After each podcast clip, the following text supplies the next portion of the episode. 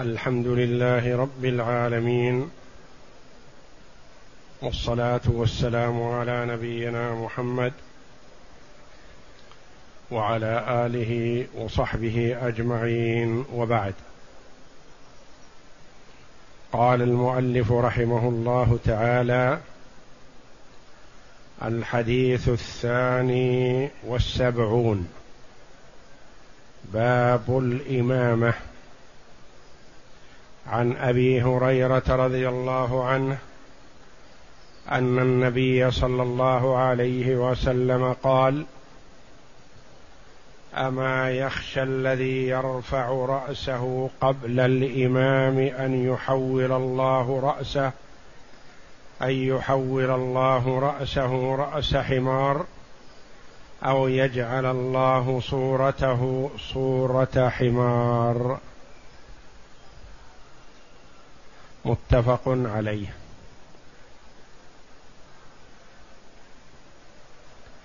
هذا الباب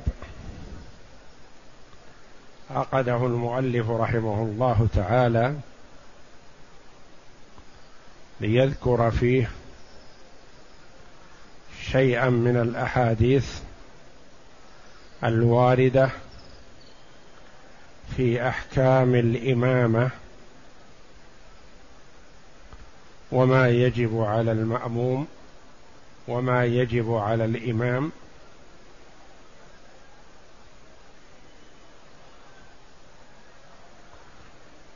وصلاة الجماعة والإمامة في الشريعة الإسلامية فيها فوائد عظيمة شرعها الله جل وعلا للمؤمنين. لتظهر فيها المساواة بين عباد الله جل وعلا. فيقف المسلمون صفا واحدا أو صفوفا متساوية الكبير والصغير. الشريف والوضيع الملك والرعية في صف واحد. فتزول الفوارق بينهم فربما يجتمع القوم في مكان واحد. بين منازلهم ومجالسهم بون شاسع. وعندما تقام الصلاة يتقدم أحدهم وربما لا يكون هو كبيرهم ويصف البقية صفا واحدا. أو صفوفا متعددة متساوية تذوب وتزول الفوارق التي كانت في مجالسهم قبل إقامة الصلاة. وليتعلم الجميع النظام. والطاعة والامتثال وسرعة الاستجابة في الخفض والرفع طاعة لله جل وعلا واتباعا لسنة نبيه محمد صلى الله عليه وسلم. وليأخذوا من هذا تعود سرعة الاستجابة للداعي.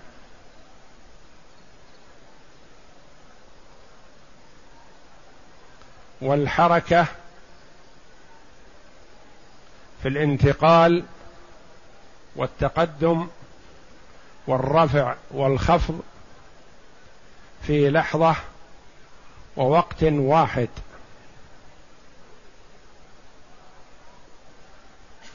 انظر إلى متابعة المأمومين للإمام عندما يكبر للركوع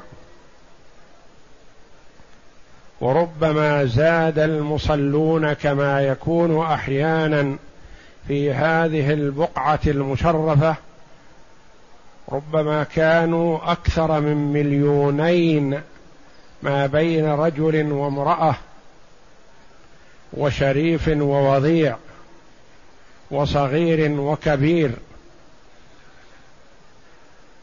فينخفضون للركوع في وقت واحد ويرتفعون في وقت واحد. وفي هذه الحال التعود للتقدم والتأخر بأمر القائد في الجهاد في سبيل الله.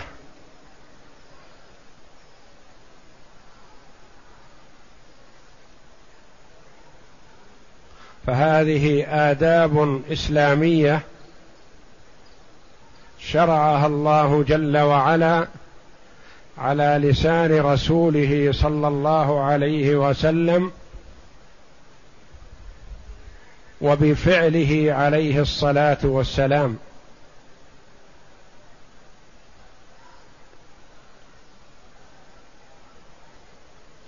طاعة لله جل وعلا واتباعا لرسوله صلى الله عليه وسلم. فالإمامة وصلاة الجماعة فيها من الآداب الإسلامية والمظاهر الإيمانية الشيء الكثير.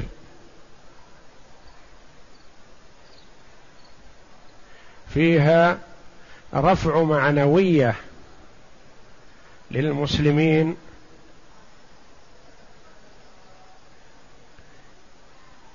وظهور بمظهر المساواة والاجتماع على طاعة الله جل وعلا. فلا تمييز ولا تفريق كما يظهر ذلك في كثير من شعائر الإسلام. في الصيام في الحج في الإحرام في الوقوف بعرفة في رمي الجمار في الطواف بالبيت وغير ذلك من شعائر الإسلام. فالله جل وعلا يربي عباده على مكارم الأخلاق.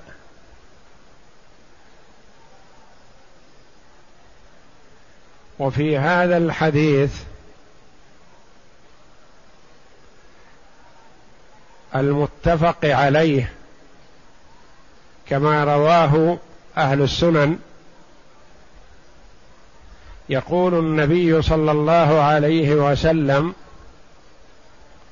متوعدا الذي يرفع رأسه قبل الإمام. ومربيا للأمة على الالتزام بالآداب الإسلامية. أما يخشى الذي يرفع رأسه قبل الإمام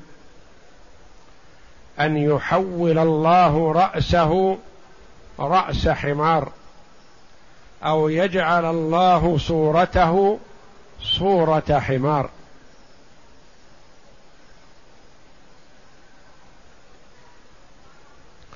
والشيطان اللعين حريص على إبطال عبادة بني آدم.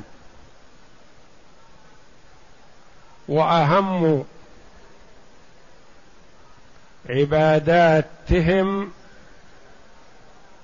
بعد شهادة أن لا إله إلا الله وأن محمدا رسول الله الصلاة. فهو يتسلط على المصلين. كل بحسب ما يستطيع أن يجد منه. فمن الناس من يشغله الشيطان بالوسوسة والشك في العبادة. ومن الناس من يشغله الشيطان في التفكير في أمور دنياه وترتيبها والانشغال بها. ومن الناس من يشغله الشيطان بنفسه وبملبسه وبعبث يديه ومن الناس من يشغله الشيطان بمسابقة الإمام ليخرج من صلاته وليس له منها شيء والعياذ بالله. وربما جاء مع الأذان أو قبل الأذان أو بعد الأذان بقليل منتظرا للصلاة فإذا أقيمت وجدته يسابق الإمام. يا مسكين ماذا تستفيد من المسابقة؟ جئت قبل الأذان رغبة في الصلاة ولن تخرج ولن تنصرف حتى يسلم الإمام. فما الفائدة إذن من مسابقة الإمام؟ إلا طاعة للشيطان.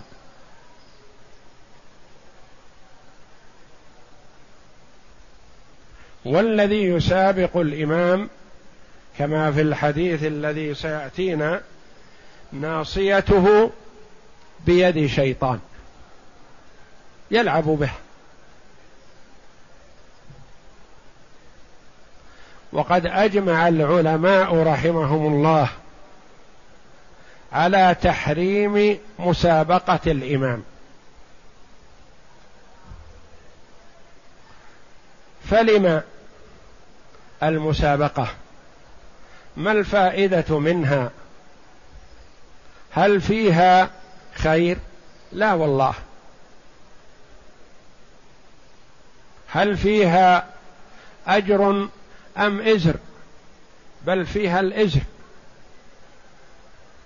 هل فيها ضبط الصلاة أم إبطال الصلاة؟ بل فيها إبطال الصلاة على رأي كثير من العلماء. يقول الصلاة باطلة.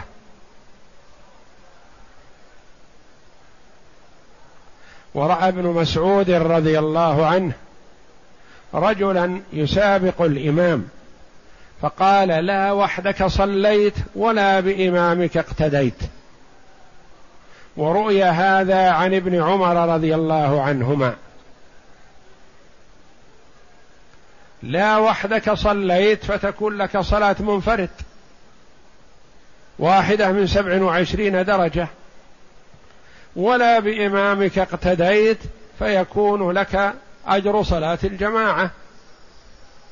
حرمت من الثنتين فماذا حصلت عليه؟ لا شيء.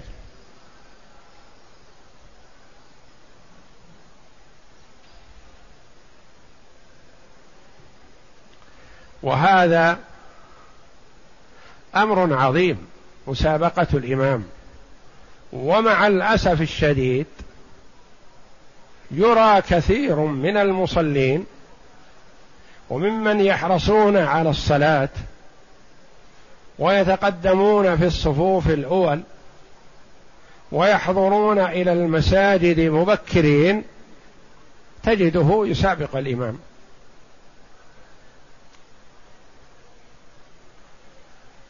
لو فكر في نفسه لأدرك أن هذا تلاعب من الشيطان. ما الفائدة من هذا؟ إلا طاعة الشيطان. وإلا فقد أجمع العلماء على تحريم مسابقة الإمام.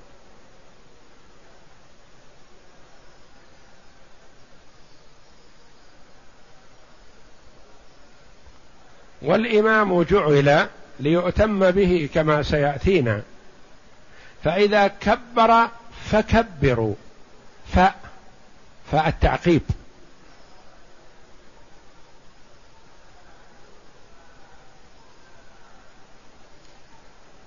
وإذا ركع فاركعوا. وإذا سجد فاسجدوا. يقول الصحابي كان النبي صلى الله عليه وسلم يكبر للسجود فما منا أحد يحني ظهره حتى يستقر النبي صلى الله عليه وسلم في الأرض ساجدا. ما أحد منا يحني ظهره ما يتحركون. حتى يصل النبي صلى الله عليه وسلم الأرض ساجدا ثم يتبعونه. وإذا قام فكذلك. إذا قام من من السجود ما أحد يقوم من سجوده حتى يستوي قائما. هذه بتلك. حصلت مساواة. لا يقال يسبقنا الإمام. نعم يسبقنا ونتبعه. فهو يصل الأرض قبلنا. ويستقر في الأرض ونحن قيام. ثم نتبعه. ثم نتأخر بعده. يسبقنا إلى القيام فيقوم. ونحن في سجودنا حتى يستوي قائما فنتبعه.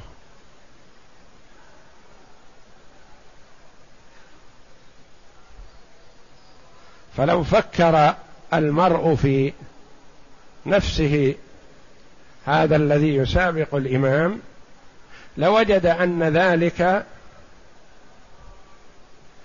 تلاعب من الشيطان به. وإلا فلا فضيلة في ذلك بل فيه إبطال الصلاة على رأي كثير من العلماء من أهل السنة. وممن قال ذلك الإمام أحمد إمام أهل السنة رحمه الله. قال لا صلاة له. الذي يسابق الإمام لا صلاة له. وعرفنا قول الصحابة رضي الله عنهم. لا وحدك صليت ولا بإمامك اقتديت. ماذا حصلت عليه؟ لا شيء.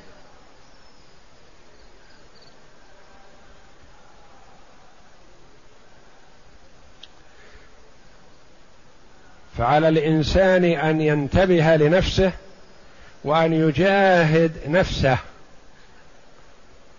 فلا ينحني للركوع حتى يركع الإمام ولا يرفع رأسه حتى يستوي الإمام قائما ولا يسجد حتى يصل الإمام إلى الأرض ساجدا.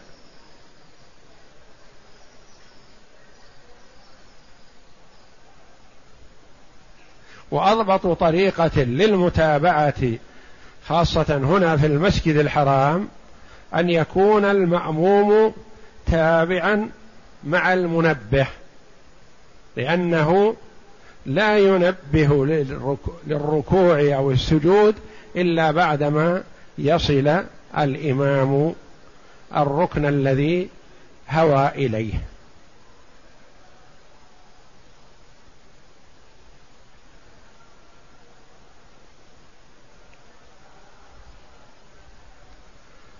فمسابقة الإمام خطرها عظيم مبطلة للصلاة.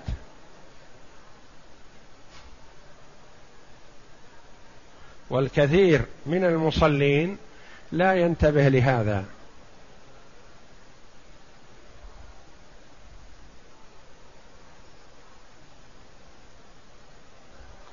يقول النبي صلى الله عليه وسلم أما أما هذه حرف استفتاح ينبه بها على ما بعدها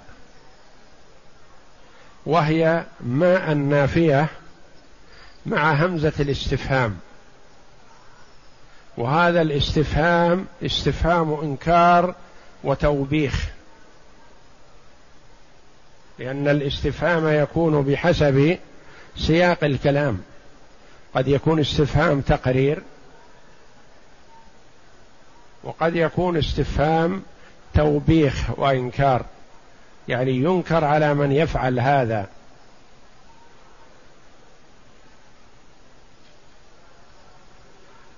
أما يخشى أما يخاف. يعني له أن يخاف.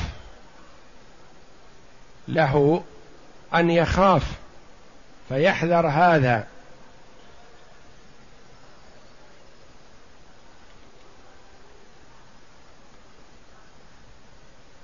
وذلك لأن الإمام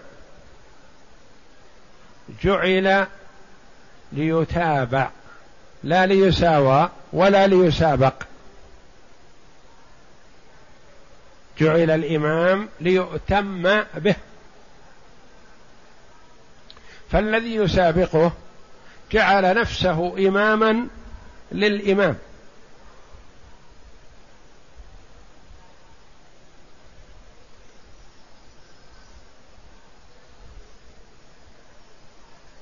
وليتعلم منه الطاعة وسرعة الامتثال إذا حان ذلك. لا تمتثل قبل أن تؤمر. تركع قبل أن يركع وترفع قبل أن يرفع. ما امتثلت. وإنما سأبقت.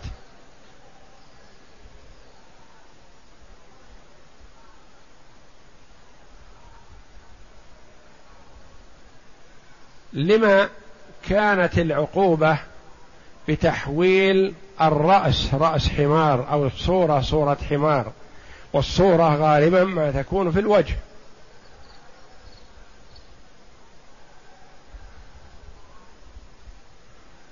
ما جاءت في غير ذلك من الجوارح جاءت في الرأس. لما؟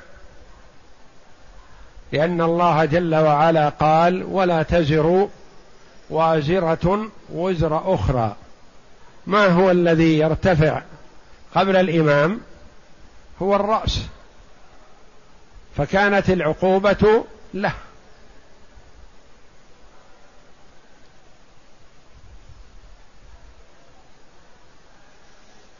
كانت العقوبة للرأس لأنه هو المرتفع والمنخفض قبل الإمام. وجاءت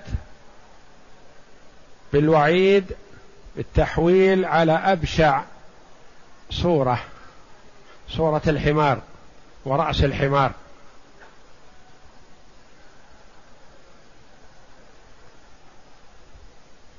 وفي بعض الأحاديث صورة كلب. يعني أخس الحيوانات.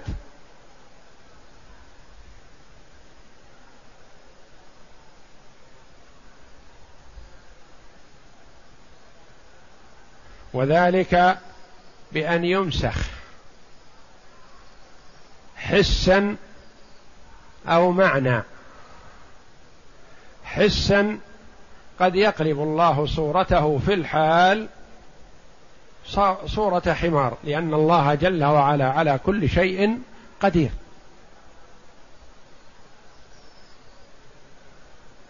وإن كان لم يحصل هذا وذلك من لطف الله جل وعلا بعباده لكنه ليس بمستحيل على الله جل وعلا.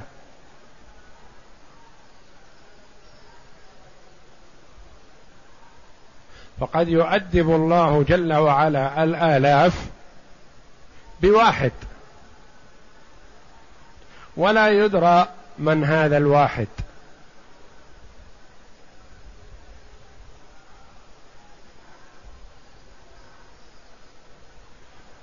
يقول رحمه الله اتفق العلماء على تحريم مسابقة المأموم للإمام لهذا الوعيد الشديد. اتفاق من العلماء رحمهم الله ممن يعتد بقولهم من أئمة أهل السنة. على تحريم مسابقة المأموم للإمام. ولكن اختلفوا في بطلان صلاته فالجمهور جمهور العلماء الكثير منهم على أنها لا تبطل. وإنما يعني المعنى لا تبطل أنه لا يؤمر بالإعادة وإلا قد يخرج من صلاته وليس له منها شيء. لكنه ما يقال أنت سابقت الإمام أعد الصلاة هذا على رأي الجمهور. ويرى الإمام أحمد رحمه الله في رسالته المعروفة رسالة في الصلاة يقول ليس لمن سبق الإمام صلاة. ما له صلاة. يعني على هذا يؤمر بالإعادة. يقال أنت سابقت الإمام فليس لك صلاة. والذي ليس له صلاة يلزم أن يعيدها. والدليل الواضح الصريح مع الإمام أحمد رحمه الله. لأن النبي صلى الله عليه وسلم توعد المسابق بأن يحول الله رأسه رأس حمار وصورته صورة حمار. والمرء لا يخلو إما أن يكون له صلاة أو ليس له صلاة. فإذا كان له صلاة فهو متحرى له الأجر. والذي يتحرى له الأجر يخشى أن يحول الله صورته صورة حمار أو راسه رأس حمار. لا. دام له صلاة له أجر. والمأجور لا يحول الله صورته صورة حمار.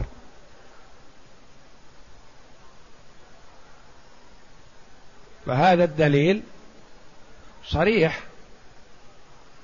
وربما قال بعض العلماء هؤلاء الذين صححوا صلاته لعلهم قالوا والله أعلم أن صلاته صحيحة يعني لا يؤمر بالإعادة وإلا فقد يرى بعضهم أن له ليس لها منها شيء ليس له أجر لأنه ما يمكن أن يكون له أجر ويخشى عليه أن يحول الله رأسه رأس حمار وصورته صورة حمار.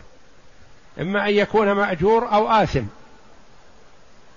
فالمأجور لا يحول الله رأسه رأس حمار. والآثم محتمل يستحق أن يحول الله رأسه رأس حمار.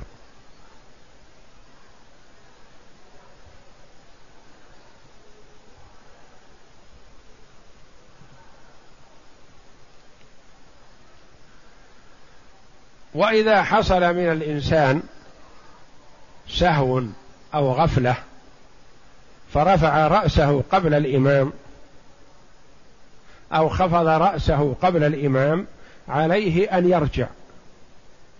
يجب عليه أن يرجع. حتى لو لحقه الإمام في السجود أو الركوع. يرجع ثم يأتي بركوعه أو سجوده أو رفعه بعد الإمام. قد يكون المرء ساهن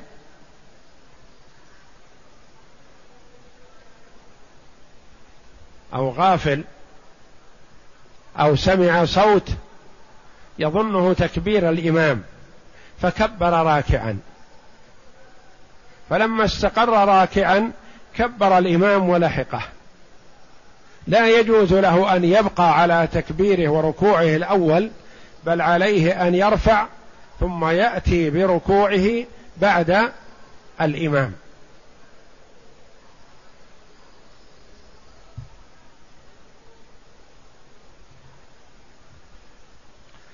قال الإمام أحمد في رسالته ليس لمن سبق الإمام صلاة. وأصحاب الإمام يقولون من سبق إمامه بركن كركوع أو سجود فعليه أن يرجع ليأتي به بعد الإمام. فإن لم يفعل عمدا حتى لحقه الإمام فيه بطلت صلاته. إذا ترك ذلك متعمدا. والصحيح ما ذكره في الرسالة من أن مجرد السبق عمدا يبطل الصلاة. ولهذا فرق بين العمد والسهو. لأن المرء كما تقدم قد يسهو أو قد يسمع صوت فيظن أنه تكبير الإمام فيركع أو يرفع. وهذا قد يكون له عذر. عفي عن أمة الخطأ والنسيان وما استكره ما ذكره من في الرسالة من أن مجرد السبق عمدا يبطل الصلاة وهو اختيار شيخ الإسلام ابن تيمية رحمهم الله. لأن الوعيد يقتضي النهي والنهي يقتضي الفساد قاعدة أصولية. الوعيد يقتضي النهي والتحريم ما يحصل وعيد على شيء مباح. فشريعتنا الإسلامية لا تتوعد على شيء مستحب أو تتوعد على شيء مباح وإنما تتوعد على الشيء الممنوع المنهي عنه. وإذا نهي عن شيء فلا يصح. ما يمكن أن ينهى عن شيء وهو صحيح. والنهي يقتضي الفساد.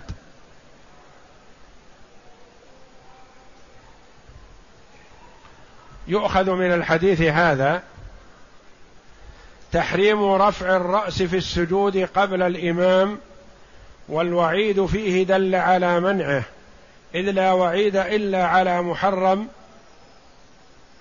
وقد أوعد عليه بالمسخ وهو أشد العقوبات لأن الله جل وعلا مسخ أصحاب السبت من اليهود قردة وخنازير لتعديهم. وهذا أشد أنواع المسخ والعياذ بالله. أن يمسخ الرجل الآدمي من صورته التي خلقه الله عليها إلى صورة حيوان خسيس. قال يلحق بذلك مسابقة الإمام في كل تنقلات الصلاة. وليس هذا من باب القياس وحده فزيادة على القياس يعني كما أنه يقاس على هذا لو لم يرد غيره فزيادة على القياس الصحيح. فقد أخرج البزار من حديث أبي هريرة مرفوعا الذي يخفض ويرفع قبل الإمام إنما ناصيته بيد الشيطان. هذا يعم الرفع والخفض. يعني الخفض للتكبير للركوع والرفع من الركوع والخفض للسجود والرفع من السجود وهكذا. الذي يخفض ويرفع قبل الإمام إنما ناصيته بيد الشيطان. يعني كأن الشيطان يتلاعب به. هو الذي يرفعه ويخفضه. ثالثا وجوب متابعة المأموم للإمام في الصلاة لأن الإمام قدوة والمأموم تابع له. فلا يكون التابع هو المقدم. أربعة أن الجزاء من جنس العمل فحين كان الرفع في الرأس جوزي بالوعيد في المسخ بالرأس كانت العقوبة في الرأس. خمسة توعد المسابق بالمسخ إلى صورة الحمار لما بينه وبين الحمار من المناسبة والشبه في البلادة والغباء لأنه معروف في البلادة الحمار وفي غباوته. ف فهذا الذي سابق الإمام ما سبقه إلا لغباوة وبلادة. فحوله الله جل وعلا إلى صورة من هو مشابه له. لأن المسابق إذا كان يعلم أنه لن ينصرف من الصلاة قبل إمامه فليس هناك نتيجة في المسابقة إلا إبطال الصلاة. فدل على غبائه وضعف عقله. لأنه لو كان عاقل لما يسابق الإمام؟ هل هو يريد أن ينصرف قبل أن ينصرف الإمام؟ ثم إن المسابقة قد تشعر بمحبة الخلاص من الصلاة وانتهائها.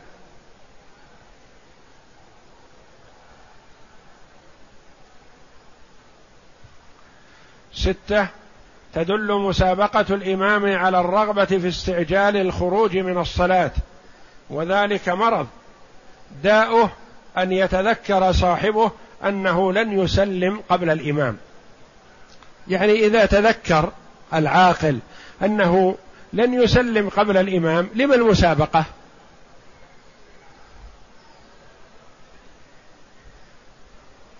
سبعة الوعيد بتغيير صورة من يرفع رأسه قبل الإمام إلى صورة حمار. أمر ممكن لأن الله جل وعلا على كل شيء قدير. وهو من المسخ ولكنه لم ينقل وقوعه. يعني ما حصل من لطف الله جل وعلا بالعباد وهذا كرم من الله جل وعلا. فتأخير الوعيد كرم من الله جل وعلا. فيحصل من الله جل وعلا يتوعد ولا ينفذ ولا يوقع ما توعد عليه جل وعلا. بخلاف الوعد فإذا وعد جل وعلا فهو يفي بذلك والوفاء بالوعد كرم. والوفاء بالوعيد ليس من الكرم بل هو عدل وإخلاف الوعيد كرم.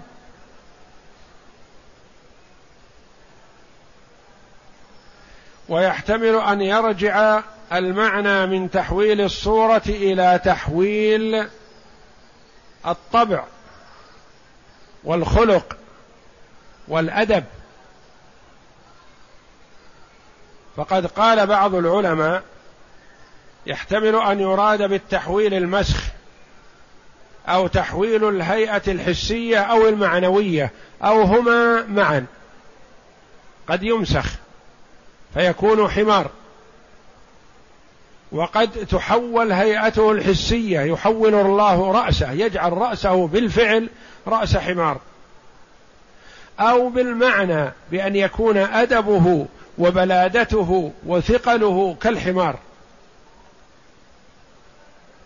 وقد يجتمعان معا لأن الله جل وعلا على كل شيء قدير. وحمله آخرون على ظاهره إذ لا مانع من جواز وقوعه. نعم لا يمنع من جواز وقوعه لأن الله جل وعلا على كل شيء قدير. ولا يقال إن المسخ لا يحصل في هذه الأمة لأن بعض العلماء قال المسخ لا يحصل في هذه الأمة وليس كذلك. بل قد ثبت في الصحيح من حديث أبي مالك الأشعري في المغازي وفي آخر الحديث ويمسخ ويمسخ آخرين قردة وخنازير إلى يوم القيامة. في أناس يبيتون على الشرب والمعازف فيمسخ الله جل وعلا بعضهم قردة وخنازير يبقون هكذا إلى يوم القيامة. يعني يستمرون. ما هو يمسخ ويعود على حالته بل يستمر هو ونسله والعياذ بالله.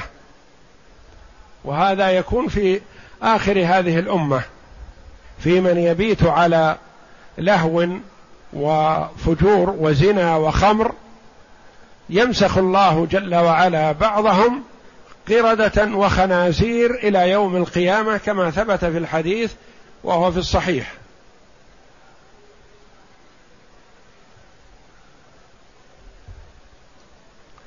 فعلى المصلي أن يهتم بهذه الآداب الإسلامية والتوجيهات النبوية فيتقيد بذلك ويمسك زمام نفسه فلا ينحدر أو يرتفع حينما يسمع أول لفظة من صوت الإمام.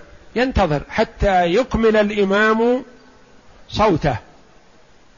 فإذا انقطع صوت الإمام تبعه.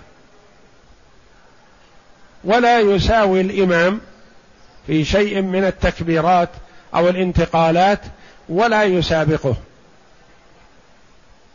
والله أعلم.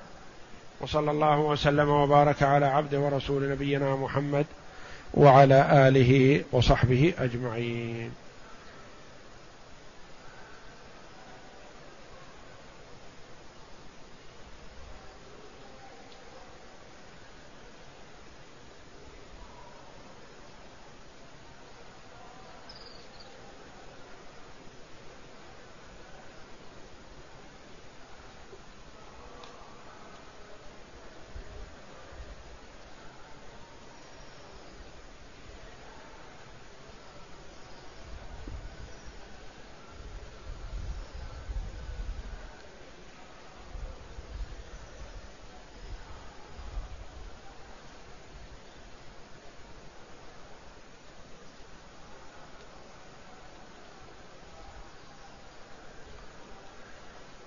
يقول السائل قتلت حمامة من حمام الحرم بالسيارة سهوا ولم أكن متعمدا.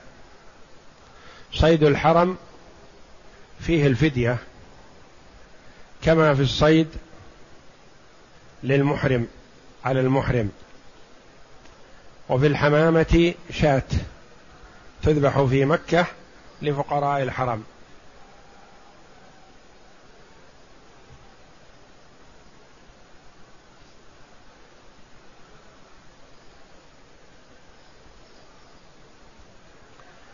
يقول هل المنبه الذي يردد خلف الإمام سنة وينبغي أن يتخذ في جميع المساجد؟ لا هذا ليس بسنة وإنما يتخذ عند الحاجة. إذا احتج إلى ذلك اتخذ وإلا فلا يتخذ.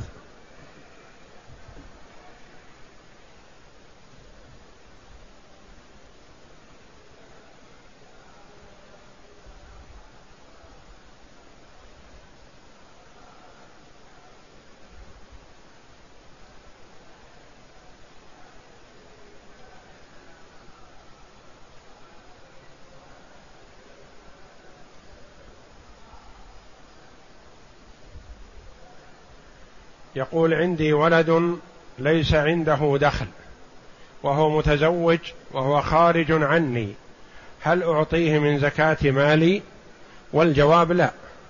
ما يجوز أن تصرف زكاة مالك لولدك من ابن أو بنت ولا لأحد والديك لا الوالد ولا الوالدة لأنها إذا قصرت النفقة بها أو لا وجب عليك أن تنفق عليهم من مالك إذا كان عندك سعة.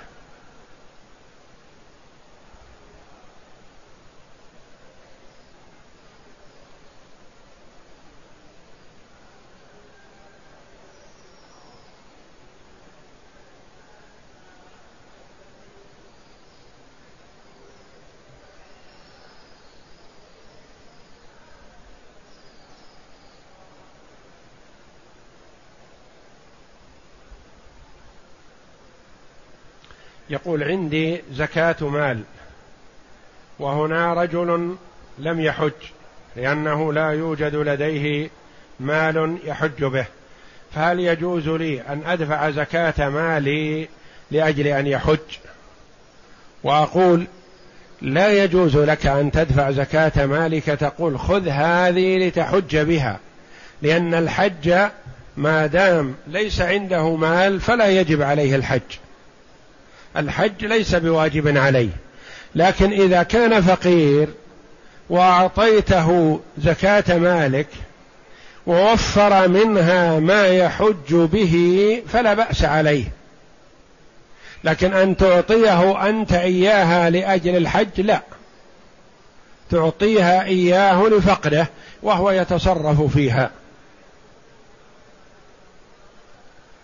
فمعنى هذا لو دفعت أنت لشخص ليحج به من زكاة مالك معناه ما صحت من الزكاة. لأن الزكاة لا بد أن تملكها للفقير. وكأنك إذا دفعتها لغيره أجبرته على أن يستهلكها في هذا الشيء وهو لا يلزمه. ربما يكون في حاجة إلى الطعام والكسوة فينفقها في ذلك ولا يحج بها ولا يلزمه الحج. حتى لو استلم منك الزكاة ومن غيرك فلا يلزمه أن يحج ما دام في حاجة إلى النفقة. فيبدأ بالنفقة اولا.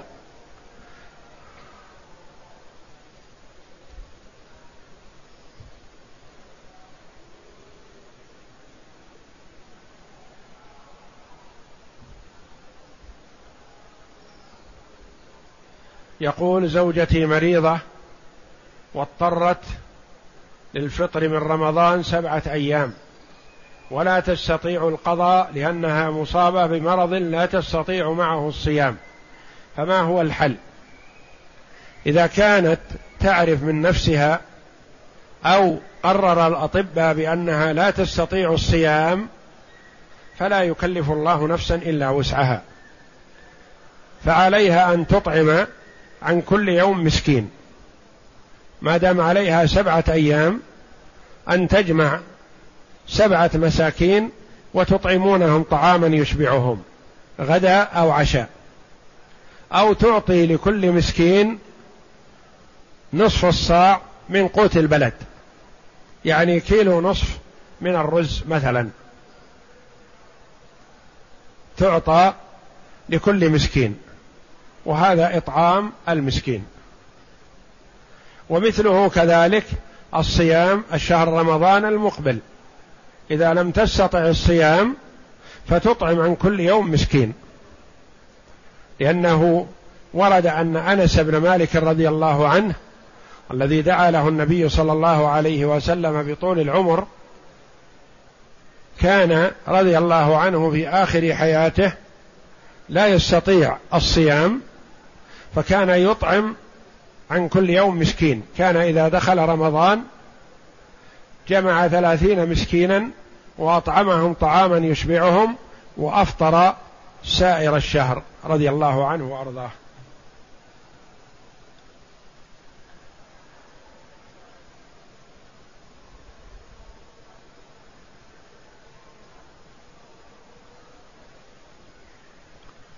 يقول بعض الناس يقولون الرسول صلى الله عليه وسلم خلق من نور والدنيا خلقت من أجله.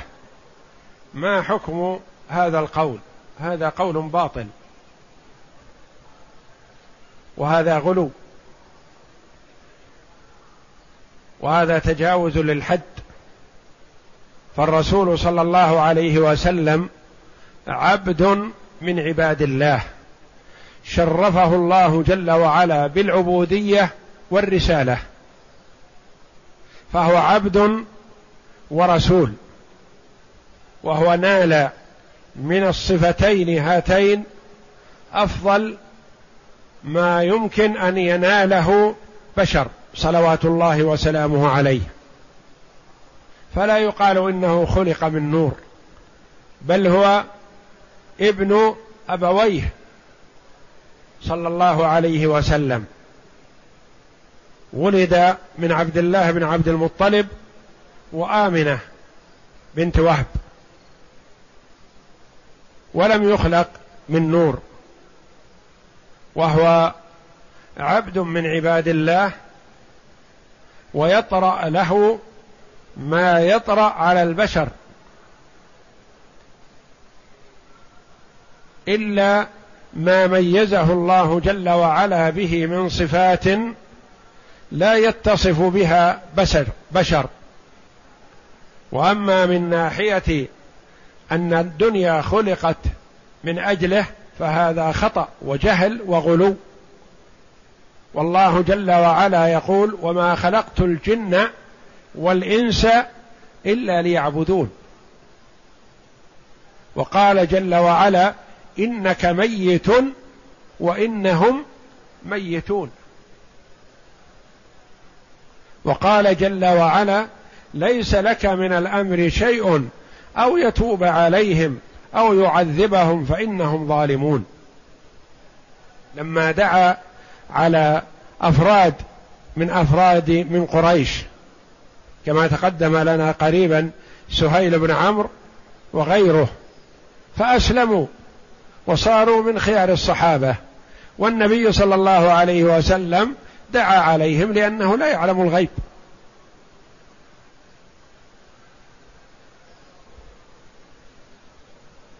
وهو عليه الصلاة والسلام في آخر حياته يقول لا تطروني كما أطرت النصارى ابن مريم إنما أنا عبد فقولوا عبد الله ورسوله.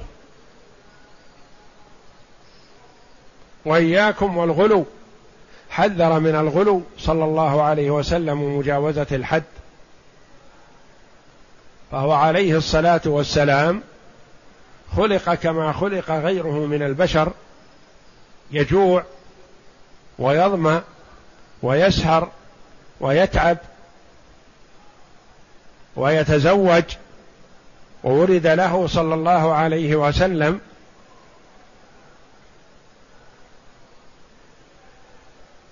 ويصح ويمرض عليه الصلاة والسلام ويبول ويتغوط ويأكل ويشرب عليه الصلاة والسلام فهو بشر وليس خلق من نور وإنما هذا تلاعب من الشيطان بالناس ليضلهم عن الصراط المستقيم.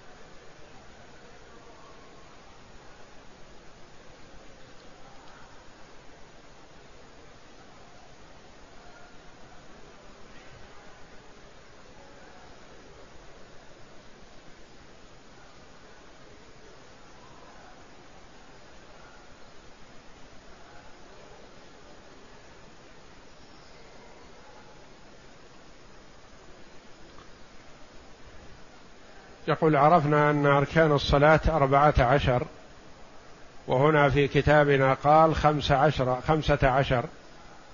ما هو الزائد؟ هذا تعرفه بالاستقراء إن شاء الله. سنمر على الخمسة عشر كلها.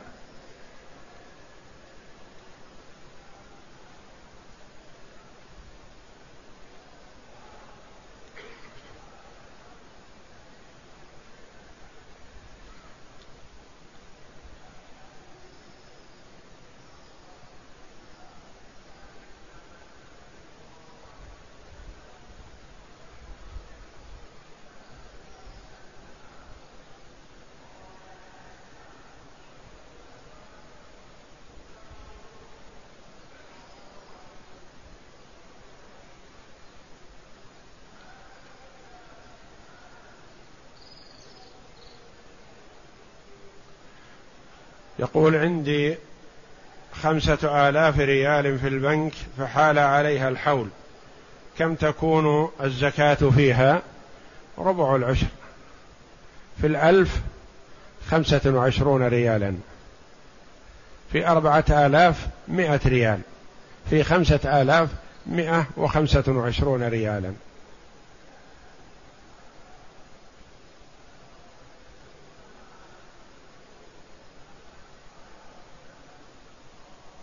ما المقصود بالأشهر الحرم في سورة التوبة؟ الأشهر الحرم هي ذي القعدة وذي الحجة والمحرم ورجب.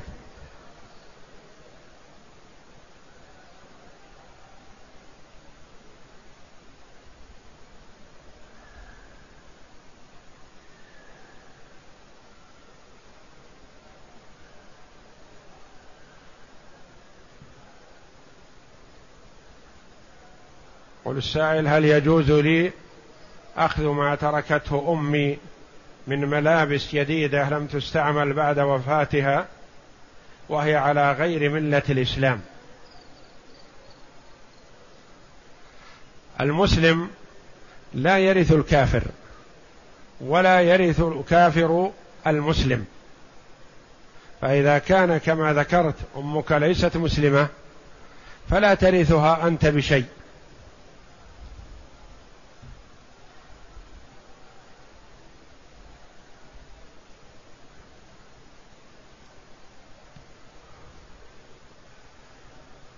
يقول أديت العمرة عن نفسي وأريد أن أؤديها لأبي المتوفى فمن أين أحرم؟ وأقول ما دمت دخلت مكة بعمرة فلا يحسن أخي أن تخرج للإتيان بعمرة أخرى. وإنما أكثر من الطواف بالبيت شرفه الله والصلاة والدعاء والعبادة ولا تخرج للإتيان بعمرة أخرى. فإن سافرت إلى مكان ما ورغبت في العودة إلى مكة فعد إليها بعمرة.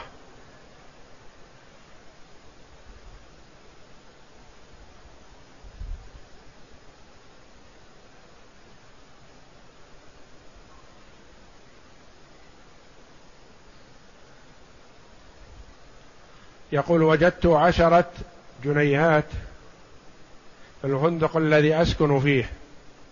فماذا أعمل بها؟ هذه ليست لك وإنما عليك أن تعرفها إذا أمكن وإلا تسلمها لمن يحفظ الضائع وإلا تسأل عمن سكن المكان قبلك فلعلها له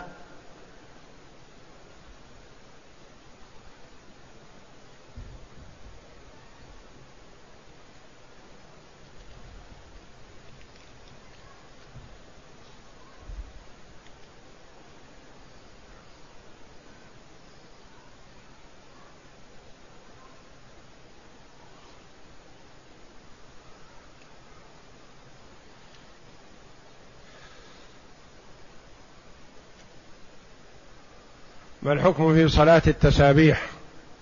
صلاة التسابيح وردت في حديث عن ابن عباس لكنه كما قال الإمام أحمد رحمه الله لا يثبت.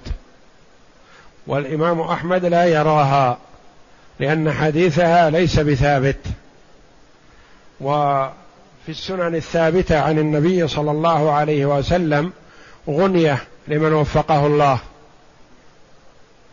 السنن الرواتب والتطوع المطلق وقيام الليل في هذا غنية وكفاية لمن وفقه الله للأخذ بسنة رسول الله صلى الله عليه وسلم. يقول متزوج منذ خمسة وعشرين سنة وزوجتي أنا معها في شجار دائم وقاطعتها منذ عام. ولست أحبها ولا أكرهها ولم أعاشرها منذ عام. إذا كان هجرك هذا إياها لتأديبها وهي تستفيد من هذا التأديب من هذا الهجر فلا ينبغي أن يكون الهجر لمدة عام وإنما التأديب بقدر الحاجة والهجر يكون بقدر الحاجة ولا تطل الهجر لهذه المدة وحاول إصلاحها. وإذا صبرت عليها فحسن إذا لم تكن مخلة بواجب من الواجبات الشرعية. إذا كان لمجرد بذاءة لسانها وصبرت عليها فأنت مأجور. وإذا كان هناك إخلال بالواجبات الشرعية من ترك واجب أو فعل محرم فلا يجوز لك الصبر عليها حينئذ.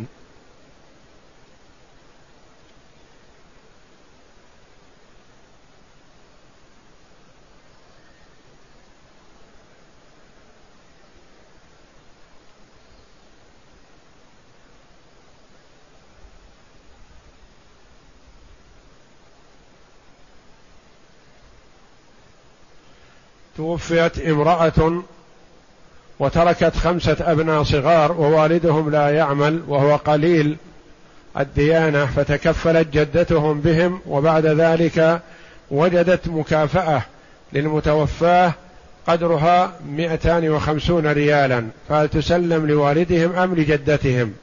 ما دام أنها للمتوفاة فهي تورث عنها لكل الورثة. وإذا كانت هذه المكافأة للصغار للأولاد فهي تسلم لمن يقوم على